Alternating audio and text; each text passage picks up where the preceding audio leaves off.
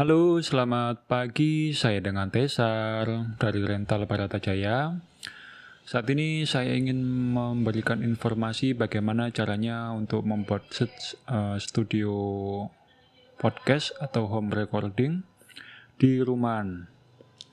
Pertama yang harus kita siapkan adalah sebuah uh, mikrofon tentunya, kemudian sound card ataupun mixer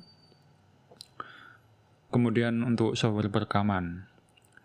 Untuk mikrofon yang biasa digunakan dalam sebuah podcast itu biasanya uh, mereka menggunakan kebanyakan menggunakan mikrofon jenis dynamic ya, seperti mikrofon Rode, kemudian mikrofon dari Altron B, BC atau BV800 V2.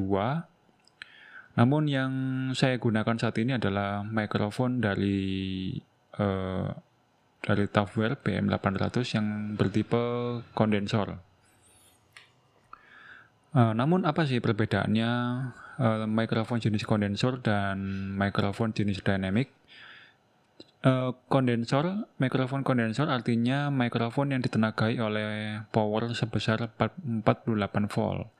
Biasanya pada mixer ataupun pada uh, apa namanya sound card itu ada uh, switch on off untuk mengaktifkan phantom power 48 volt.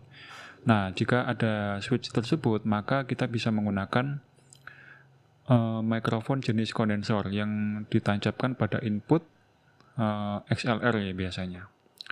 Namun, jika kita menggunakan mikrofon jenis dynamic, tidak memerlukan phantom power, dikarenakan di dalam uh, mikrofon tersebut sudah uh, biasanya ditenagai oleh baterai biasanya.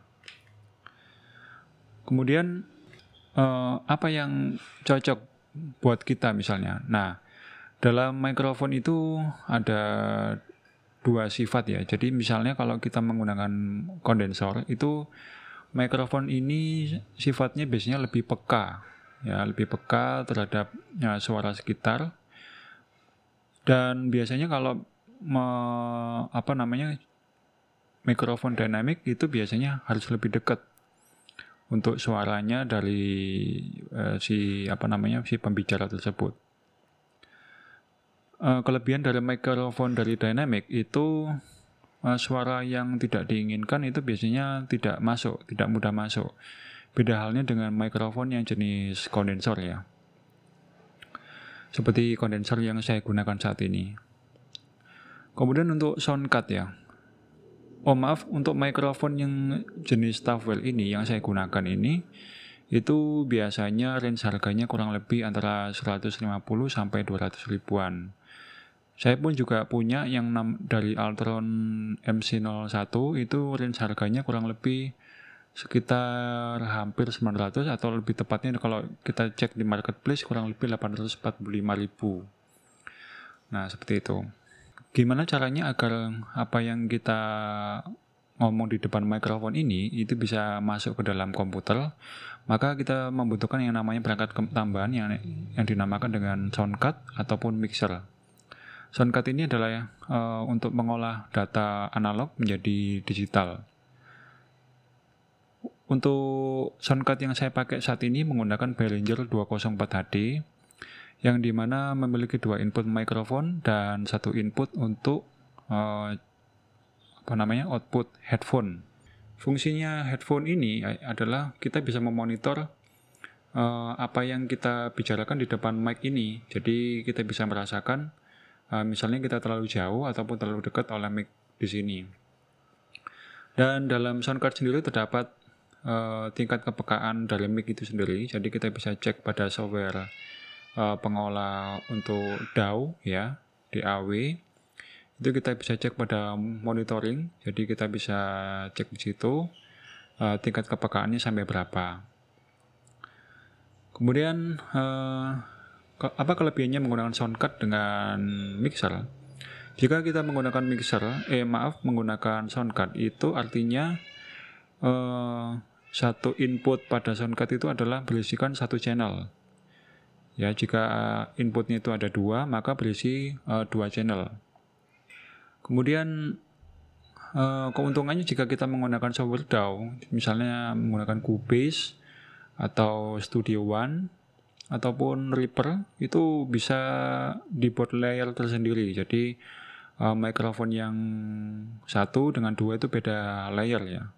Beda halnya dengan mixer, jadi mixer itu semuanya dalam satu kesatuan. Jadi misalnya ini ada 6 input, itu tidak bisa. Jadi harus satu layer itu semuanya masuk dalam satu uh, layer ya. Jadi misalnya 6 mic itu bisa ngomong dalam satu bersamaan pada satu layer. Tentunya dalam proses editing, menggunakan soundcard memiliki keuntungan ya. Jadi kita bisa memilah-milah vokal mana yang atau instrumen mana yang ingin diedit. Beda halnya dengan menggunakan mixer, uh, saat, di mana satu layer ini tidak bisa diedit, ya karena sudah jadi kesatu kesatuan. Kelebihan dari sebuah mixer adalah terdapat banyak knob, yaitu beberapa knob untuk mengatur frekuensi high, medium, dan uh, low ya. Jadi kita bisa mengatur dari situ dan kemudian kita bisa menambahkan efek, misalnya efek dalam ruangan ataupun reverb yang lebih menggema. Kebetulan saya menggunakan uh, mixer dari Xenix Behringer ya GX1222 USB yang saya gunakan saat ini itu uh, memiliki tambahan apa ya memiliki fitur yang, namanya kompresor. Jadi misalnya kalau kita uh, berbicara di depan mic terlalu kencang itu dia bisa mengkompres ya. Jadi nggak sampai peak gitu Nah, yang terakhir adalah uh, headphone, headphone monitor. Nah, headphone monitor yang saya pakai ini adalah menggunakan headphone dari uh, apa namanya Audio Technica uh, dengan seri ATH M30X. Seri headphone ini biasanya mulai dari terkecil ya, adalah seri M20X, M30X, 40, dan sampai yang termahal. Dan harga yang saya uh, beli pada headphone ini kurang lebih harganya kurang lebih 900 ribu untuk headphonenya saja.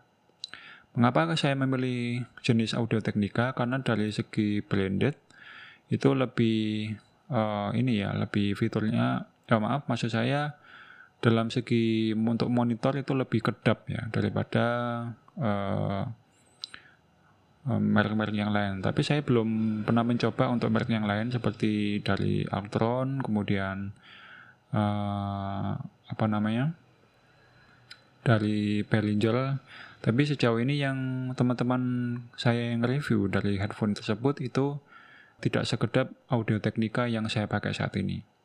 Oke, kemudian uh, jika kalian mau podcast lebih dari satu orang atau misalnya dua orang, ada tambahan yang namanya adalah headphone amplifier dan tentunya jumlah mikrofon dari yang kita pakai itu lebih dari satu, bisa dua, bisa tiga, ataupun bisa seberapa pun yang kita perlukan.